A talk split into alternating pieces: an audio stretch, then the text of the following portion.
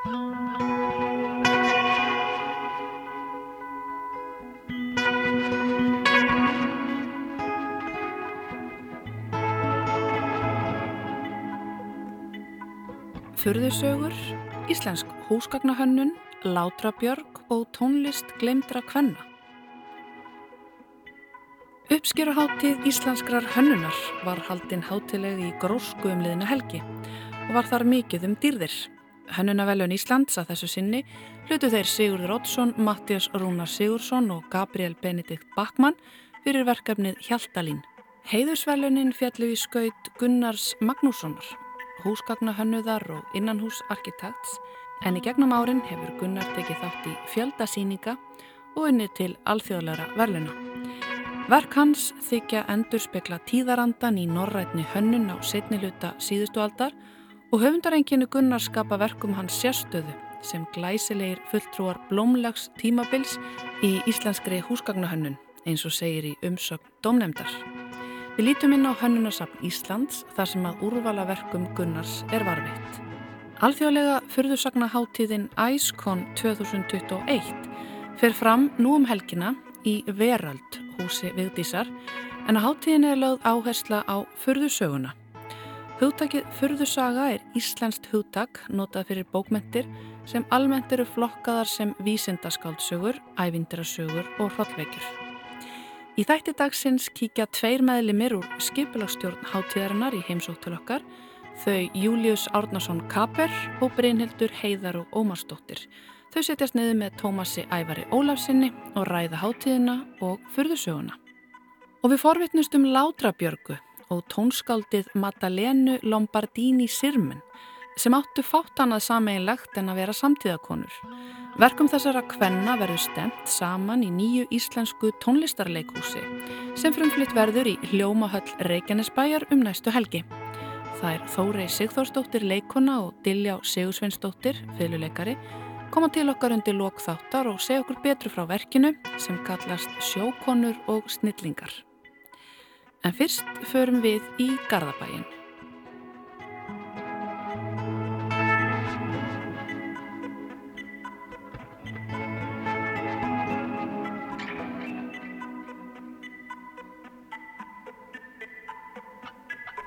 Hönnunaverlun Íslands voru veitt um síðustu helgi og heiðusvelunina þessu sinni hlaut Gunnar Magnússon, húsgagnahönnur og innanúsarkitekt og uh, ég kom hingað í hönnunasafnu í Garðabæ, stöðt hérna með fórstöðumanninum, henni Sigur Jónsdóttur og við ætlum að ganga hérna með rángala og reyna að finna eitthvað húsgagn eftir Gunnar, ekki satt Sigriður? Jú, við ætlum að gera það, við ætlum að fara eða byrjaði að fara nýri geimslu uh, eða varðuveslur í með okkar, er svo við kallum það og þar erum við eigið aldrei að falla um verkum eftir Gunnar en það var einmitt mjög stór síning hérna í safninu ára 2011 á svona yfirleitsíning á verkunum hans mm -hmm. þannig að og í kjölfarið og áður en að síningi var þá er safni búið að safna hérna uh, svona nokkrum góðum eintökum sem við mm -hmm. ætlum að kíkja á nýri saman en þegar þú komst mm -hmm. þá semst að löpuðu við gegnum síningu sem er núni í safninu á verkum Kristína Þorkjálsdóttur og hún var einmitt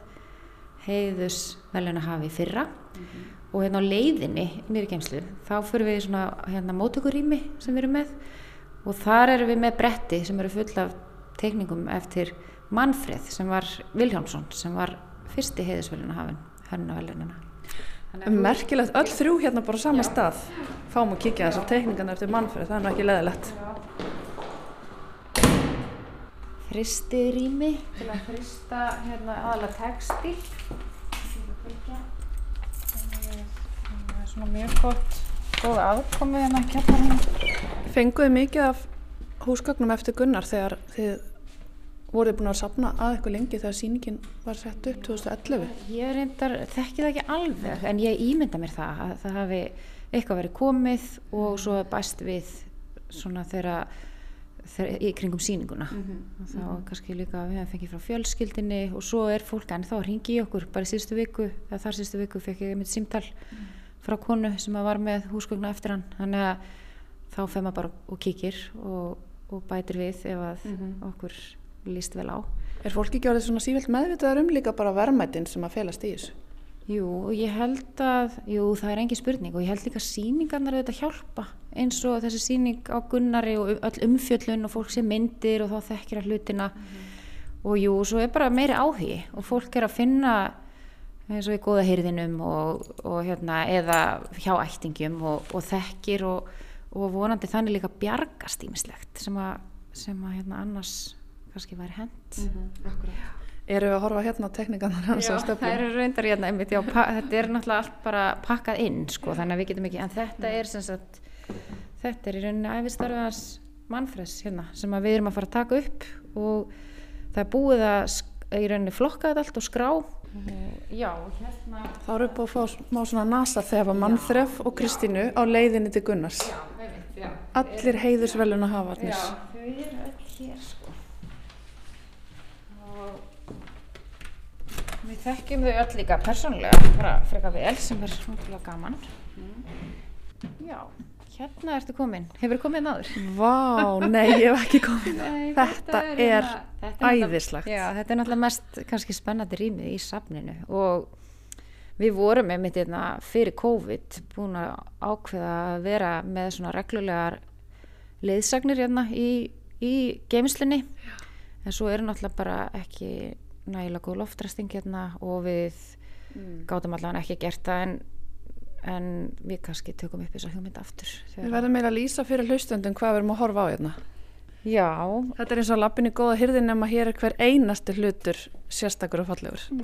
Já, þetta er hérna, það er alltaf ótrúlega gaman að koma hérna inn svona í fyrsta sinn og mér finnst reyndar alltaf bara gaman að koma hérna. Þetta er náttúrulega eins og sérð aðalega, hérna í þessari geimslu er aðalega húsgögn, mikið af stólum og þetta er meira minna allt íslensk húsgögn, þetta er eitthvað hérna erlend en við erum núna algjörlega bara með fókusin á að safna íslenskur hönnun. Við erum líka eina safnið í heiminum sem gerir það, þannig að það það bara svona vera í, það er svona okkar aðal hlutverk og ég ætla að byrja á því að því hérna bara til hægri er einmitt eh, uppáhaldslutur minn eftir Gunnar sem er hérna þessi Apollo stóll hérna sem að held að svona kannski flestir þekki Hann er með ótrúlega sterk höfundarænkinni, Gunnar, myndur ekki segja það?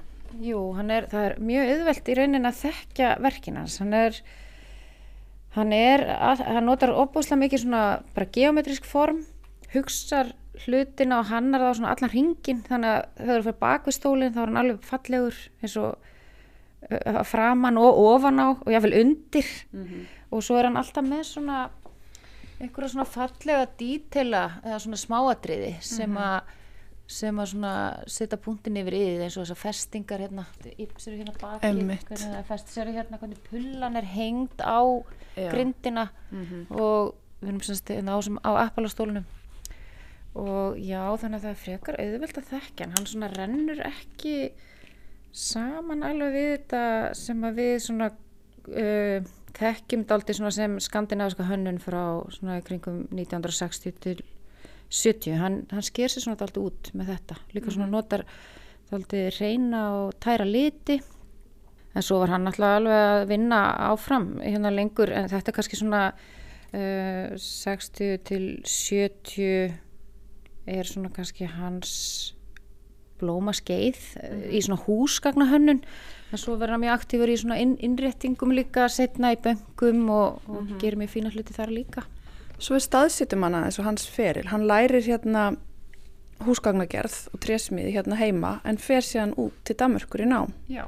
Hann hérna hann sagt fer til, hann er sagt fættur á Ólasfyrði og uppalinn þar og fer svo 18 ára til Reykjavíkur og fer að vinna í, og læra í Víði trésmiða verstaðinu Víði Já, svo hérna fær hann inngöngu í Kundshandsverkskólan eða list yðnar háskólan í húsgagna og sagt í Kaupmannahöfn. En hann er þá með þennan bakgrunn eins og reyndar daldi margir á þessu, þessu tímabili sem að er að hann er með hérna, húsgagnasmiðina baku sig. Þetta er ekki alltaf núna raunin sem sagt þannig að þetta gefur fólki oft svona mikinn styrk og maður sér það líka bara á verkunum og hönnuninni að þau er skilja og hann skilur algjörlega framleiðsluna. Hann notar mikið við en samt ekki bara við og handverkið eru þetta alltaf, hann veit alveg hvað hann er að gera.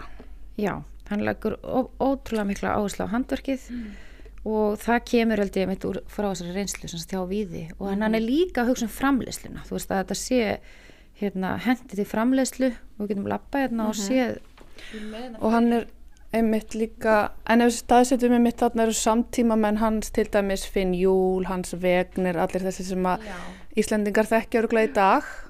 Og hérna, þetta eru rosa kallar en hérna, en en hann er ekki alveg á sömu svona, hann er miklu svona stilhreitni Já, eiginlega. eða hann svona, er það, hann er það. Og svona Börje Móensen var svona hans uh, helsta svona fyrirmynd. hann, hann var opaslega hrifin af hans verkum og hérna og talaði bara oft um það að það var svona, já, passaði það er, það er auðvitað að lappa á eitthvað hérna En á þessum tíma voru líka uppi hugmyndur um það að þú veist gott handverk ætti að nást til allra og það er verið að hugsa líka eins og þú segir um framleysluna og þetta virki fyrir fjöldaframleyslu líka. Já, hann er mjög mikið, hann fyrir náttúrulega svo að vinna hérna á Íslandi með um, uh, fjöldafyrirtækja í að teikna og framleiða og einmitt að hugsa út í það að þetta, að þetta geti bara borga sig að, hérna, að vera að framleiða hú, húsgögn einmitt. En auðvitað breytist þetta svo þarna uh, þegar bara tollamálin hér breytast á Íslandi og þá svona verður innflutningur uh, auðveldari og, og, og tollar falla niður á húsgögnum og þá svona fellur, eða þá, já, þá dettur niður þessi í rauninni þekking. Þegar við hættum þá að loka mörg verkstæði og þekkingin svona glatast.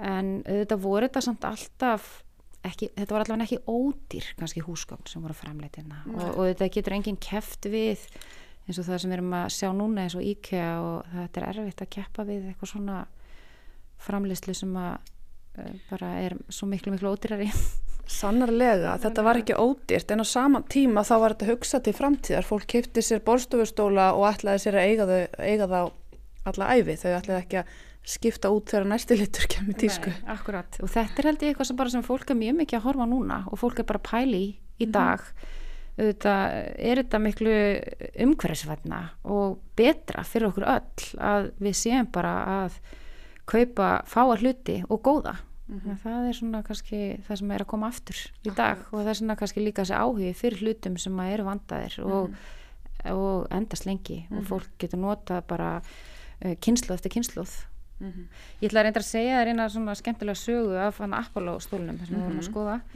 Er að hérna sem sagt Tinna, dóttir Gunnars hún var einmitt einhvern tímann í kringum ní- 1990 að, að labba á uh, Kings Road í London og þá sér hún þessa stóla út í glugga. Sem sagt á svona flottri hönnunarverslun sem seldi líka notuð uh, aðlega svona notuð flott uh, skandinavisk húsgögn. Og hún fyrir inn og spyrir þau hvort þau viti eftir hvernig þessi stólar eru. Og þau, s- hérna, afgræslufólki segir henni já þau haldi þetta sé eftir einhver, einhvern ítala og nefni eitthvað nafn. En hún auðvitað leiðrist í það. Og þetta var ótrúlega, og þau voru sko út í glugga þarna á Kings Road og, og hérna það er svona skemmtilegt að líka að fá svona sögur af þeim svona hvert þeir hafa farið og hérna og hvar þeir hafa endað líka. Þannig að það er svona, en hérna hér er líka, þetta er svona meira hér er líka stóll frá annar frá Gunnari með íslensku áklæði hérna þetta Þetta er áklæði sem að maður kannast við. já, Og hér sjáum við þessi sterku höfundarengjani sem vorum að tala um áðan, þessar, þessi geometrísku form. Þannig að sækja þarna í eitthvað svona, eitthvað svona mótiníska arleið en, en samt, já, þetta er svona funksjónalt. Já, og þú sér líka á þessum stól, þetta er meira svona, þetta er líka samt svona hægjendastóll og þetta er, þú sér þarna líka festingarnar hérna Þetta er svona við fyrstu sín innfalt en Já. svo þegar þú fara að skoða betur þá eru alls konar dítelar. og þessir eru svona, þessir stólar eru semst hugsaði þannig að, að það sé auðvelt að taka þá í sundur. Það hefur örgulega verið aldrei skrítið að koma úr námi og vera í allri gróskunni köpunöfn á þessum tíma. Og koma til Reykjavíkur eða hvað, hvað heldur þú? Já, ég held að Gunnar, einmitt, hann talaði oft, ég hef heyrt hann tala um það, hann hafi, þú veist, í rauninni þurft líka bara að útskýra fyrir fólki hvað hann gerði, að því hann var líka náttúrulega innanús arkitekt. Og hérna, og það svona tók uh, einhvern tíma að að svona fá fólk til þess að bara átta sig á því hvað hann gæti verið að gera og hvað hérna málið að skipti og já, ég veit að það var ekkit auðvöld að koma aftur, hann talaði oft um það en svo var hann svona fljótur að komast í gang. Ég ætla aðeins að segja þér semst aðeins meira um þennan stól hérna. Hann er semst heiti Mini og bara svona ef að fólk vil eitthvað kíkja eða googla þetta. Og þetta er semst íslenskt ullaráklæði sem er ótrúlega fallegt og þessi íslensku ullaráklæði við sjáum það bara hérna í safninu því við fáum svo mikið af hlutum til okkar eru þau endast svo vel og eru svo ótrúlega sterk og flott Ég menna þessi stóll, hann lítur út fyrir að vera nýr. ég veit að þetta er alveg ótrúlega skemmtilegt Ef að kíkja á eitt hluti viðbót. Já, hérna, það ekki? þetta er eiginlega einn Með klöngrast hérna. Já. Já, klöngrast hérna Já. bara í gegn Já. En hérna er sem sagt, þessi sófi er eftir Gunnar og uh, er, þetta kallaður Inga sófasett. Þetta finnst mér alveg sérstaklega fallegur sófi og hann hefur svona poppað upp, ve- veit ég, svona verið hægt að fá hann eh, einstaka sinnum hérna á svona mörkuðum eða bland eða einhver staðar en hann er, þú sér bara hvað hann er nútímalegur, svo er hann líka þó hann sé svona um, ferkantaður eh, hérna, að þá er hann ótrúlega þægilegur. Já, Ótrúlega fallegur og hérna er aftur þetta íslenska áklæði. já, þetta er hérna þetta er greinilega það sem þeir voru að nota og, og þú sér líka bara hvað þetta hefur ennst vel að því þetta er kannski búið að kannski tvær kynnslóðir búin að eiga þennan sófa til dæmis. Og já, svo auðvitað hann er líka annað stóla þó það sé það alveg það sem við erum að skoða hérna.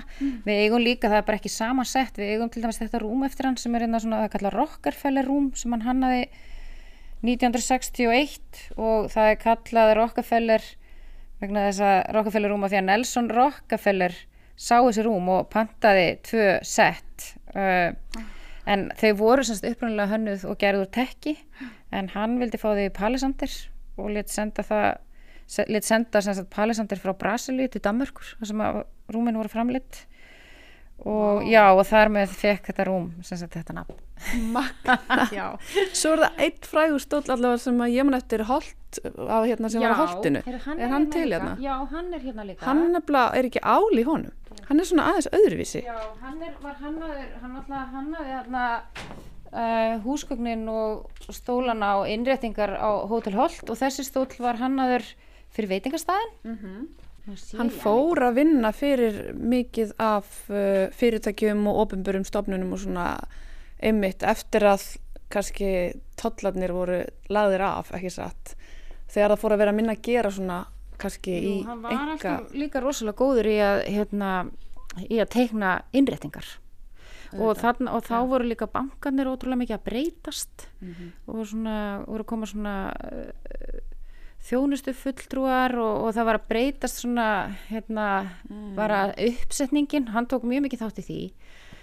Og ég er einmitt að hugsa núna að stundum saknaði þess einmitt bara að- koma ekki inn í banka og sitja og fá mig kaffi og býð eftir að geta borga reikningana mína og sitja í einhvern fallegum húsgögnum eftir Gunnar. En Og en kannski hérna- fengið svona persónulega þjónustu. Já, nákvæmlega, nákvæmlega, en hérna, já, svo er hérna, þetta bara náttúrulega breytist allt svo rætt, þannig að nú er þetta, þessar hérna innréttingar og, og eru svona auðvitað hverfa líka og eru hornar margar.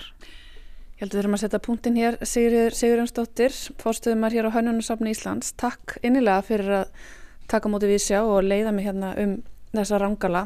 Ótrúleir fjársíðar sem hér leynast og örgulega fullt af spennandi sýningum sem er eftir að vaksa upp úr þessum hlutum hér. Já, við erum einmitt að undirbúa hérna á næsta ári hérna svona fasta sýningu sem að á að heita hönnunasafni sem heimili. Og þá ætlum við bara að fara hérna niður og, og bara velja alls konar húsgögna því við eigum svo náttúrulega svo mikið af þeim. Og setja bara upp svona eitthvað spennandi heimili sem verður náttúrulega bara eins og all heimili eru flest eða mörg bara með hérna hlutum frá uh, nútíð og fortíð. Þannig að þetta verður svona skemmtilega blanda. Spennandi. Hlökkum til að fylgjast með því. Takk fyrir spjallið Sigurður. Takk sem leiðis, takk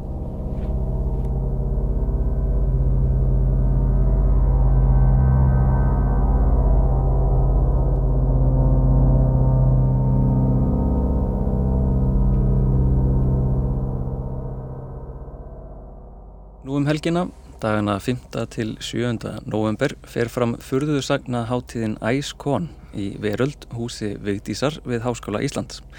Þetta er alþjóðleg hátíð sem er nokkuð nýjaf nálinni en hefur verið haldinn síðan 2016.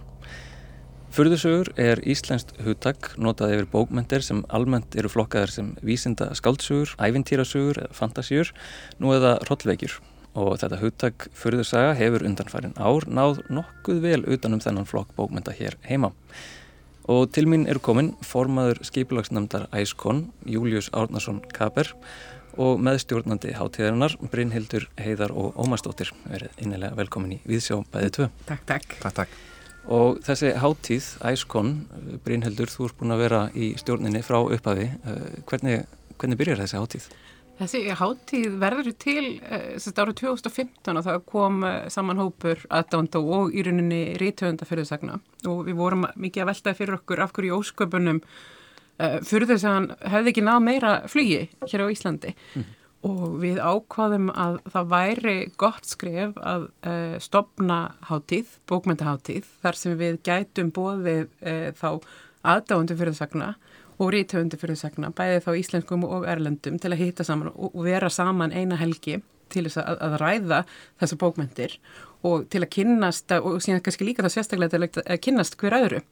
Að það er sérstaklega mikilvægt fyrir okkur að vera sem að búa til samfélag aðdánda sem deilir þessum áhuga á förðursjóma og við lærum að, að þekkjast og við vitum það sérstaklega á Erlendis þá eru svona hátíðir fyrðarsagna hátíð sem eru skipulegar af aðdáðundum eins, eins og þessi hátíð er, mm -hmm. er sem sagt, eh, eru mjög algengar. Og þetta er sem sagt eh, góð leið þá til þess að, að aðstofa líka þá aðdáðundu til þess að læra að skrifa fyrðarsjóður og það er sem sagt ef við kíkjum á þessi bókmyndagreina þá er það mjög algengt að, að ég er ekki, ég er ekki vissum að eh, höfundir fyrðarsagna það fari bara kallt út í að skrifa fyrðarsjóður, við byrjum alls með aðdáðundur og við erum alltaf frá og við vildum búa til hennar vettfang og þegar við hefum séð að hvernig hátíðin hefur þróast núna senst árin að fyrsta, fyrsta ára þá var þetta svona bara hefbundum bókmyndahátíð að, að þetta voru rítumundar og, og aðnándur ræðið sem bókmyndir en ekkit mikið meira en síðan hátíðin sem eh, við erum að skipulegja núna hún er eh, miklu meira interaktív, eh, miklu meira eh, tengt fyrir þetta hvernig getum við aðstóða gestum okkar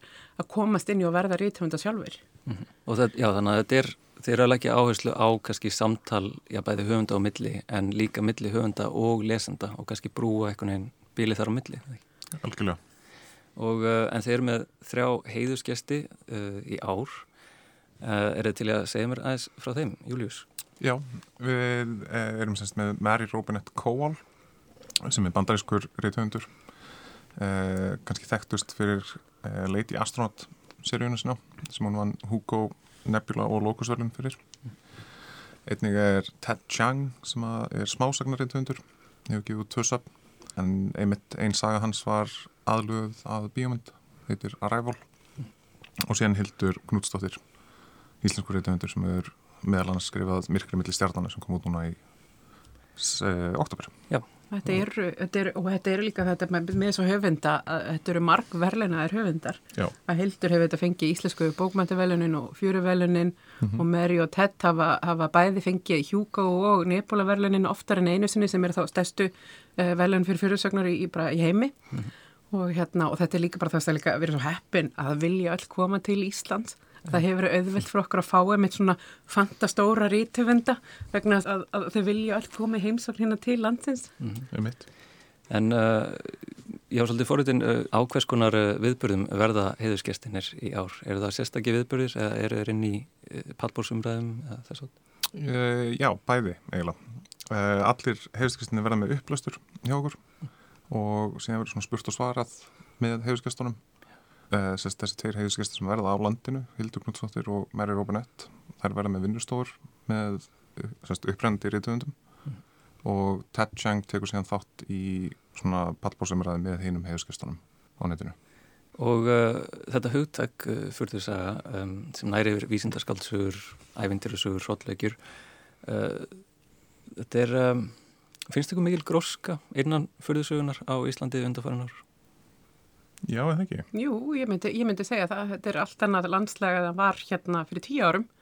íslenska förðursagan er ekki, ok, þetta er ekki, þetta er ekki komið á kannski sama stað og íslenska glæpasagan en fyrir, emitt, fyrir 25 ára með það er nú enginn trúið að það var hægt að skrifa glæpasögu á íslensku mm. en ég held að förðursagan sé smám saman að ná þessum stöðlu og ég held að það sé líka kannski bara vegna þess að það er almenningur er með meiri þekkingu það er að segja fyrðarsegan uh, sem vestrænt menningafyrir bara er orðin svo miklu stærri meðal almennings og þá erum við bara að kíkja á bara til dæmis velgengni Game of Thrones uh, sjómarseríunar mm. að þá skindilega þessast almenningu sem hafa aldrei dótt í huga að lesa fantasíu er farin að hafa bara já ég vil lesa þessa bækur og fer síðan út í fleiri bækur og síðan auðvitað líka getur við litið á bara hvernig bara þróun bókaverslununa Nexus sem er, er, er mikið, mikið meira það bóka og spila mm -hmm. verslun þetta hérna, og þetta er líka hérna bara samfélag þau halda úti á okkurum klúpu og, og okkurum félagsstarfi að við séum það að Nexus sem, sem sagt, þegar ég var unglingur var hérna pingulítil búð á hverfisköttinni er núna komin í risastórt húsnaði í, í álfumum mm. og verður í rauninu bara stærri og stærri og heldur og er ákveði líka burðarás fyrir þess, þeina, þetta, þessa menningargrein hér á Íslandi og er í rauninni mm og hefur verið líka okkur þá mikil haugur, haugur í hortni að, að styðja við þá uh, æskon að, að aðstofa þá okkur sem komum þá sem úr aðnánda samfélaginu að, hérna, styðja, að halda þessa hátíð. Mm. Og mér finnst nú líka að hafa kannski farið svolítið inn í uh, þessar típisku fagurbókmyndir uh, eins og Steinar Bræi var hérna með trublunina á síðasta ári mm -hmm. sem var algjör förðusaga en hún var eitthvað neginn sett í búning eða kom svolítið fram sem íslensk fagurbókmynd eh, hafið verið að sjá þetta gerast meira undarfarið á þennan hátt? Þetta í raun og veru gerist með allar fyrirsögur sem eru gefnar út hérna heima. Það eru yfirleitt settar í einhvern svona aðeins öðru þessu búning svo þessi kannski seljanlegri. Seljanlegri, passa betur í hérna passa betur í, í jólapakkana. Við þetta verðum með mjög sérstakann bókamarka hér á Íslandi að, að svo mikið, hann er svo mikið drifin áfram af gjöfum, gjafið þurfa að vera gjöfu, gjöfulegar En gott dæmi til sem þetta er að Emil Kjörvar Pettersen gaf út bók núna fyrir hvað tveim vikum? Hælið, Hælið sem er fyrsta prentaða bókin sem Storytel gefur út. Mm. og það er hillingsbókmynd og hún er alveg algjörlega undir formmerkjum uh, fyrir þessunar hún er en um, hún er svona markasett þannig. Uh, finnst ykkur, myndast ykkur rígur millir þess að þess að uh, reyna að smigla því inn í fagurbókmynd eða að það sé svona trú fyrir þess að? Það væri það kannski helst eh, til dæmis eins og eh, ríkjarnir sem Alexander Dahn skrifaði í erindi 14 rítuhunda sem kom út núna í september og þar talar hann einmitt um þess að tókstreitu hjá sér að merkja sig sem fyrirðsakna höfund og hvort hann ætti í raun og veru bara kannski tala um sig sem rítuhund en ekki fyrirðsakna höfund mm -hmm. Já, ég veit að ég, hérna, ég komin þá kannski, en það, það er nú kannski vegna þess að ég er ekki rítvöndur og þá þarf ég ekki að klíma við þessa existential spurningar. En ég, hérna, ég er bara, ég tel það að, að, að, eftir því sem þetta bókmæntagreinin verður starri og, og virtari hér á landi að þá verður ekki lengur kannski skammalegt að merkja sér sem fyrðursagnar rítvönd, það er raunni bara rítvöndur skrifa fyrðusögur mm -hmm. en það varð alveg lengi og ég myndi, myndi fyrir tíu árum að þú veist ef, ef rítuhundur færi að merkja sér sem fyrðusagnar rítuhundur þá var hann alveg að mála sér út á kortinu í bókmynda umræðu. En ég held að við erum kannski ekki ennþá komin á það staða hérna að, að, að, að það sé ekki svo en við erum stefnumeld í hraðbyrri þangað. Og þetta er auðvitað bara frábær þróun vegna að það er eitthvað tungumál sem er hendugt fyrir að lýsa undrum og furðum heimsins og undirheima og yfirheima að þá er það íslenskan og við sjáum bara í íslenskum forðbókmentunum íslensku forðbókmentunar eru furðusögur, það er ganga draugar og, og nortnir og tröll og þetta er henni hefur búið með þjóðinu núna í þúsund ár og ég held að við séum núna komin á þann tíma að íslenski réttöndri eru svona farin að líta í þennan orðafarða í þennan sagna arf mm -hmm. og, og, og endurbyggja fyrir 2001. öldina og, og blanda því og þá er mér svona skemmtileg, kemur svona skemmtileg blanda af íslenskum gömlu íslensku skrýmslinu við þá eh, nýri skrýmsli sem koma erlendis frá og mynda hennar svona mjög fjölþjólaðin heim, hérna getur við talað um fjölþjólaðin heim skrýmsla. Algjörlega og hérna en aftur að rástefnunni uh, þið eru með þarna pallbórs umræður á Æskon 21 uh, sem koma víða við en um, svona, já, kannski stoppa við á flestum undir greinum fyrðusögunar. Mm -hmm. Það var kannski ein umræða sem ég staldraði sérstaklega við og það var, uh, hún heitir uh, Rise Punk and Other Manifestos eða á íslensku rísgróna punk og önnur ávörð mætti forvöldnast aðeins hvers konar umræða verður þannig gangi Já, hún hefur kannski doldið sérstuð innan æskon að þetta eru engöngu rítvöndar frá Suður Asjú sem taka þátt og eru þá í raun og veru að taka svipaða umræð og við erum að taka hérna heima með fyrðusuguna nema þá hvernig það speglast hjá þeim og það er sérst, Giti Chandra sem að er með okkur í nefndinni hún sérst, leiðir þá umræðu mm. og er sjálf sérstyrið töndur og skrifar fyrðusugur hún skrifar um, hefur skrifað með þríleik mm -hmm. og það sem hún blandar saman, hún, hún sjálf er uppbrunun úr hérna frá Índlandi og er, sagt, og börnin hennar eru þá hálf indersk og hálf íslensk og hún skrifar í rauninni þríleik þar sem hún er um þetta að blanda, veist, að blanda saman þessum menningar að leita þá í sagnarfin í Índlandi og hér á Íslandi og, og verður úr þessi nútíma nútíma förðusaga mm -hmm. og hérna það er svo, um þetta, þetta, þetta er svona indislegt að sjá um að við erum að fá um þessi nýju áhrifinga heim til Íslands að það er að segja að hérna þráttur þess að skrifa á þessu litla tungumáli og hefur meina mjög sterkan og, og góðan art til að byggja á hann, þú veist að þá, þá getum við þróast og þá erum við alltaf að fá eitthvað nýtt og það er að verða eitthvað nýtt vegna sem við erum að verða miklu fjölbreyttir í samfélag. En þeir eru þannig með já, smiðjur eða námskið sem bjóðu upp á líka mm -hmm. og uh, með grunnar það sé skráning á það sérstaklega, er það ekki? Jú, á heimasegni hjá okkur. Á heimasegni, æskon. Er skráning á okkur aðra viðbyrði? Nei, í raun og ekki. Það er náttúrulega skráning inn á hátæðina sjálfa mm -hmm. og eða út skráðu gestur þá getur skráðið á námskeiðin en það er og veru bara til þess að halda utanum hversu margir komast fyrir í stofuna Einmitt. Já, það er einmitt, þá, einmitt þetta er þetta bara frábært tækifæri fyrir þá fólk sem hefur áhuga að, að, að læra og verða fyrirðsagnar rítvöndar mm -hmm. að hann er rítspiða með ekki, eh, bæði Hildi Knúts eh, sem verður á íslensku en þá líka með Mary Robinette Koval sem er þessi margverlana rítvöndur og koma og leiða þessi rítsmiðu En já, það er mikið uppsýklingu eh, það er hægt að skrá sig á vef, vefsvíðu Æskon sem er Æskon.reykjavík.is og uh, það verður síðan hátíð næstu helgi. Ég hlaka til að koma og, og kíkja á þetta hjá okkur. Július og Brynhöldur, takk kærlega fyrir að koma í þessu. Takk fyrir. Takk fyrir. Life unfolds each dawn The same old song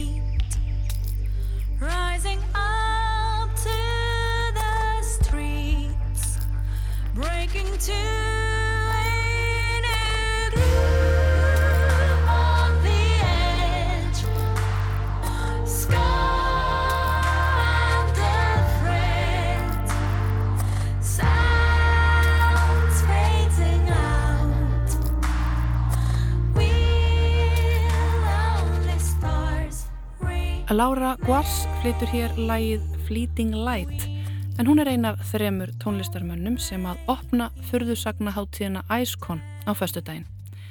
En þá yfir í aðeins eldri tónlist.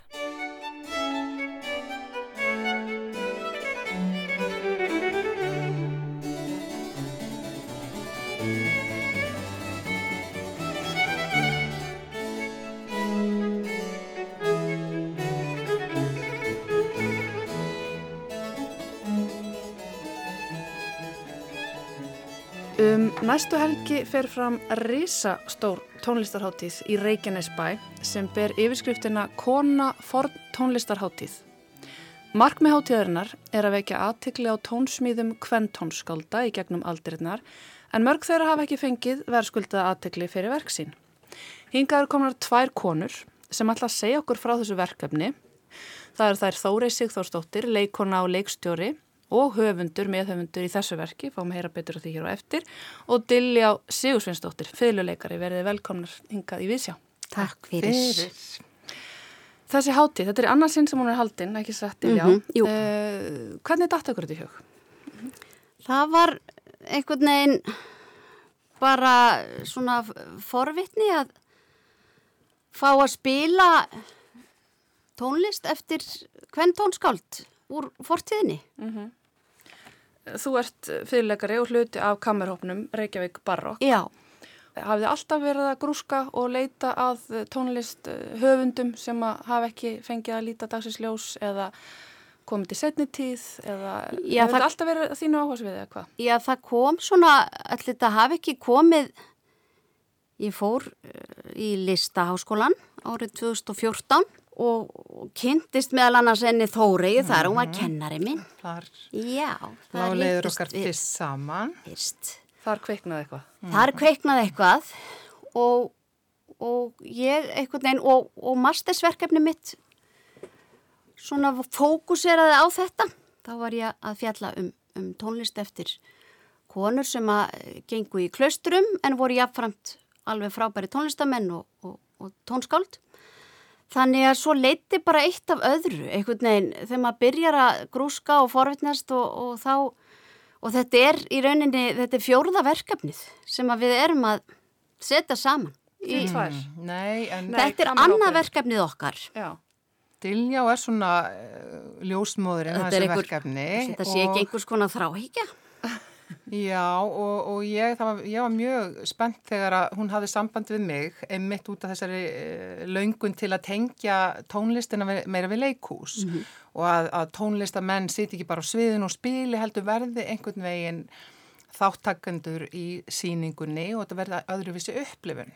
Og hérna og við, ég var líka búin að vera að leiða hann í gegnum alls konar ratspuna og það kveikti veit ég svolítið í svona einhverja pælingar. Og endan sem sagt byggðu þú mig um að koma í, í verkefninu Halldóru bref Halldóru Guðbrandsdóttur. Og, og það enda með því að ég sagt skrifaði textan og leik Halldóru og svona leikstýrði konseptinu að þessari síningu. Og það sem mér líka svo spennandi þar, þar var það einmitt uh, kviknaði út frá brefi, mjög merkilegu brefi sem, að, sem að fannst sem að hún skrifaði til konungsins. Og þar var líka stefnumót við samtíma konu hennar í tals tónskáld. Og það er eitthvað svo magnað að hugsta um raunveruleikan á Íslandi á þessum tíma og það sem var að gerast á öll þú, þau hámenni, öll svo hámenning sem er í gangi þar. Svo ótrúlega skemmtilegt, spennandi stefnumót og sagan heldur áfram.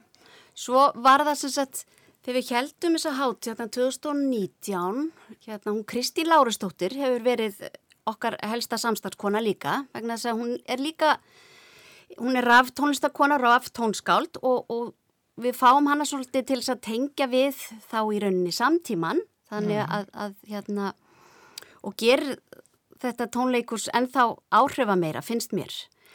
En hún er jafnframt kvæðakona og hefur mjög mikinn áhuga á því að, að koma kvæðahefðinni áfram og, og sérstaklega til ungu kynsluðurnar og hún sagði við mig eftir tónleikursýninguna í Skálholti Diljá, það er, ég er að hugsa um hana þurriði formann hérna og, og, eitthvað, það er eitthvað í samband við sjókonur Diljá, við verðum að gera eitthvað svoleiðis næst.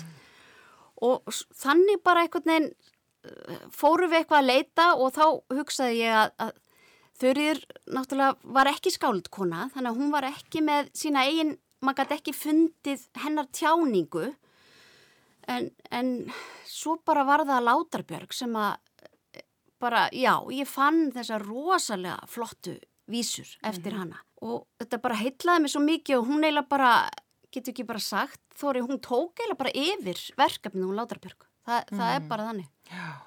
Og hún var náttúrulega svona jaðar kona eða hvað segjum, hún, hún á, á sér svolítið sérstakar sögu eða sem að líka harmonera síðan við söguna hjá tónskaldinu, henni, henni Maddalenu Sirmen, en hún sem sagt er kannski eins og fólk var ofta á þessum tíma, hún er þarna uppi á átjöndu öldinni og er samtíma kona sem er líka skemmtilegt, höllu og eyvindar og hún lætur lífið í móðuharendunum og uh, hún sagt er skilin eftir á Sveitabæ bara nýja ára gömul, yfirgefa foreldrar hennar hanna og, uh, og, og sagan hennar uh, við lesum svolítið náttúrulega í kvæðin og, hún hefur verið svolítið einstök og ekki svona fallið alveg inn í hópin sem persóna og maður veit ekki hvort það var bara af því að fólk var stundum að, að þú varst ekki hluta fjölskyldunni Hún þótti mjög sérstök, hún var kölluð, hún er förukona, hún átti heima mörgum stöðum, hún var talin vera svona daldi kallmannlegar það ekki útliti.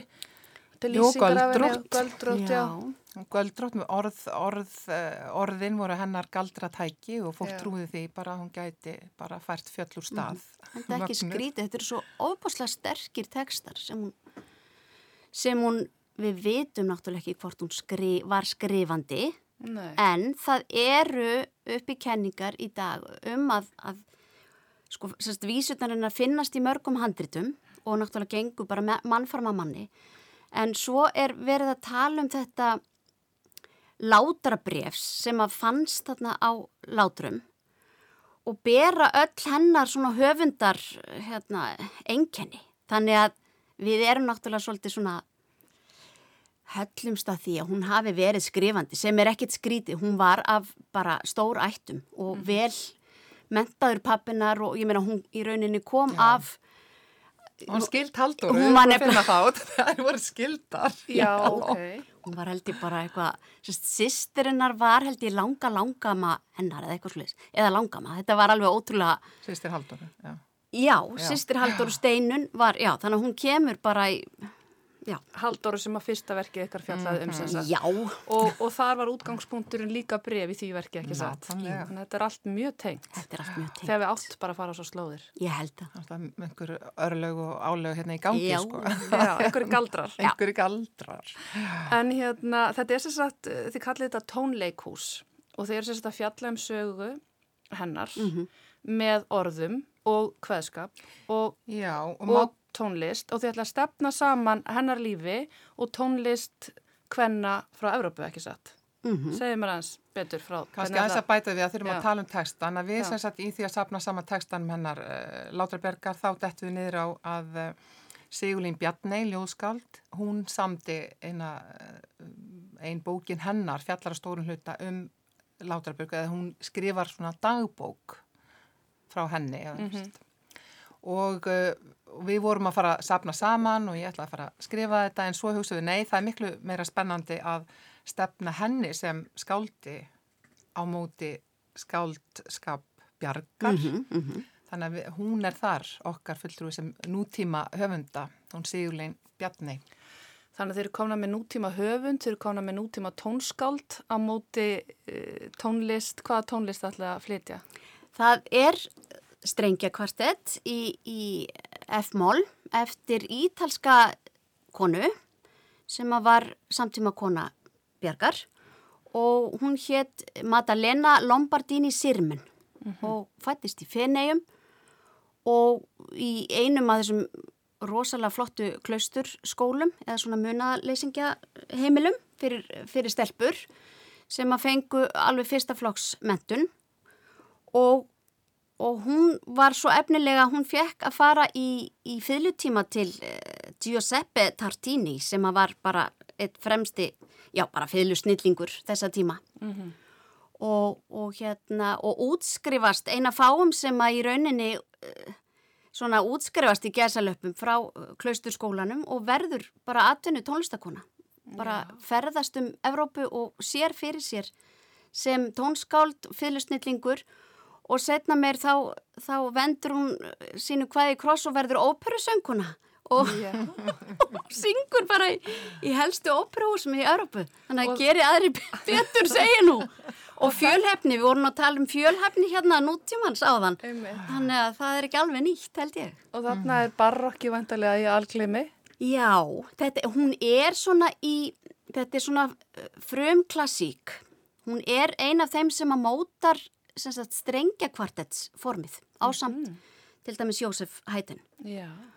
Þetta... Þetta- Hún er að fjarlæðast barokki þarna. Hún er að fjarlæðast bara elst upp í því en, en svona er að fikra sig inn í, inn í klassíkina. Og eins og þú segir Þóri, það er alveg magnað að ímynda sér á meðan uh, þessi Madalena var að ferðast um Evrópu og syngja í fínustu óperúsunum og læra þarna í fenum að þá var Látrabjörg að flakka um landið. Já, og uh, þetta er náttúrulega mjög erfiðir tímar, þetta tímabil frá því hún fæðist. Það gengur á ýmsu og þetta er tímabil það sem að stór partur þjóðarinnar bara deyr, verður úti, náttúrulega eftir móðuharðindin og hún er, er náttúrulega eina af þeim. Uh, hún verist hafa í, haft í sér svona þessa óeir, það get ekki bara búið þarna á sama stað, hún samt hafði sérstöðu þarna þar að segja hún, hvað kallaði þetta, hún var svona hafði sjálfstæði, hún var ekki háð bændunum þegar svona hafi farið svona, tekið svona tímabil og farið í burtu, komið aftur flakkaði, hvað. Og náttúrulega var eh, sjókona. Já, já, hún var já, vá, sem sagt á yngri árum að þá bara rér hún út uh, með, með karlmennunum og sennilega konum, ég meina það er ekki já, við vitum það alveg að þær fóru líka þegar, þegar sem sagt, já, af því að þegar árabáta öldin var að þá var þetta svona sem sagt dagróðrar og þá gáttu konur synd þessu Þannig að, og jáfnvel börn held ég líka stundum, en það eru alveg til í annálum að, að, að konur og börn hafi, hafi farist. Þannig að, Magnað harneski líf. já, og Hér. Og sjórin, samtal. hann er þarna, tengir Endalaust, já. og þetta samtal við náttúruna. Mhm. Alltaf að, að hérna ávarpa.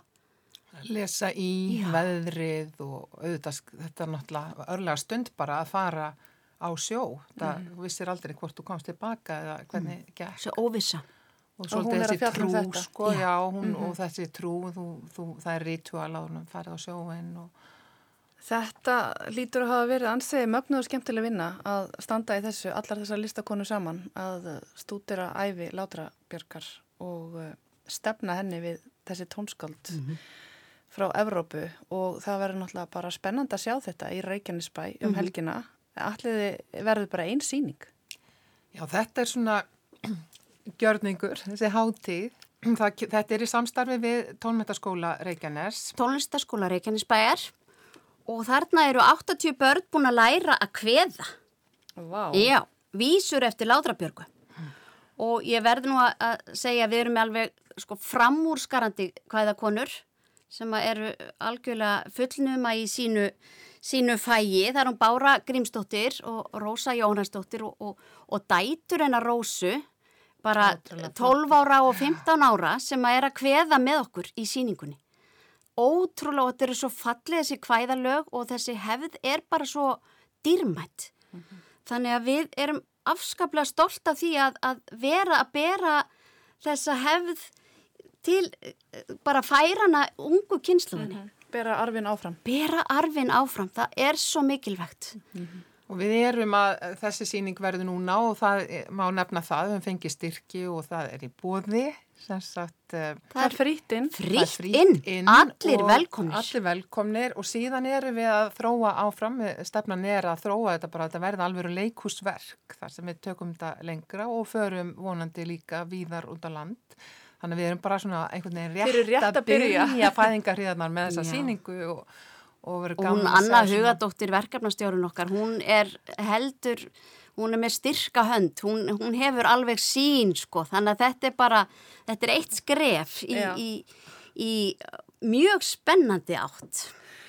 Ótrúlega gaman að fá okkur í viðsjá, Þórei og Diljá. Uh, þið voru búin að lofa mér að flytja ljóð hér í lok þáttar. Ég reyni mitt besta. Ég var, við vorum í kvæðasmiðju hjá henni Kristínu Lárusdóttur um, um helgjana. Ég vona að hún, hún fyrirgefur mér að ég, hérna, ég er náttúrulega ekki meðlumur í kvæðamannafélaginu yðunni en, en ég reyni mitt besta hérna.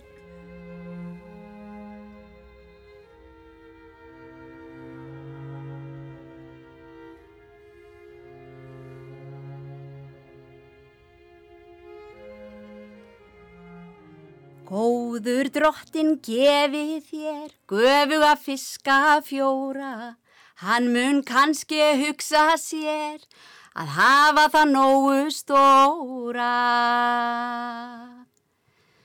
Sendi drottin mildur mér, minn á öngul valin, flyðru þá sem falleg er fyrir sporðina linn. Hvíð ég fyrir að koma í fljót, hvíð ég fyrir sléttu hlýð, hvíð ég ríða kulda í mót. Hríðvanleg er þessi tíð.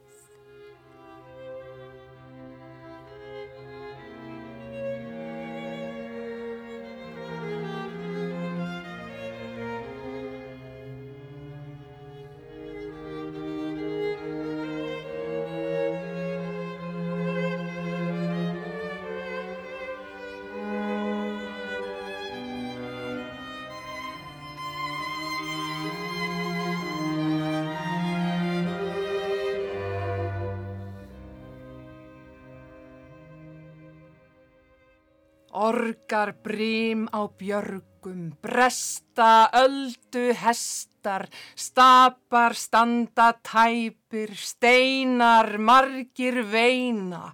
Þoka úr þessu ríkur þjóð ei spáir góðu, halda sumir höldar, hríð á eftir ríði. Langanes er ljótur tangi, líin er þar oft á gangi, margur ber þar fisk í fangi, en fáir að honum búa.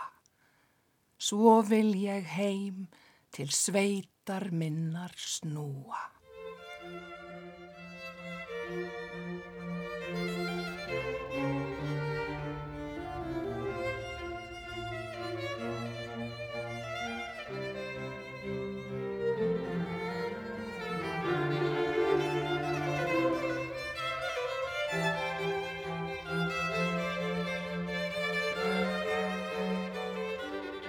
Strengja kvartett númer 5 í F-moll eftir Maddalenu Lombardini Sirmen, samtíðarkonu Látra Bjargar, eins og þær Þóri Sigþórsdóttir og Diljá Sigursveinsdóttir sögðu frá hér áðan.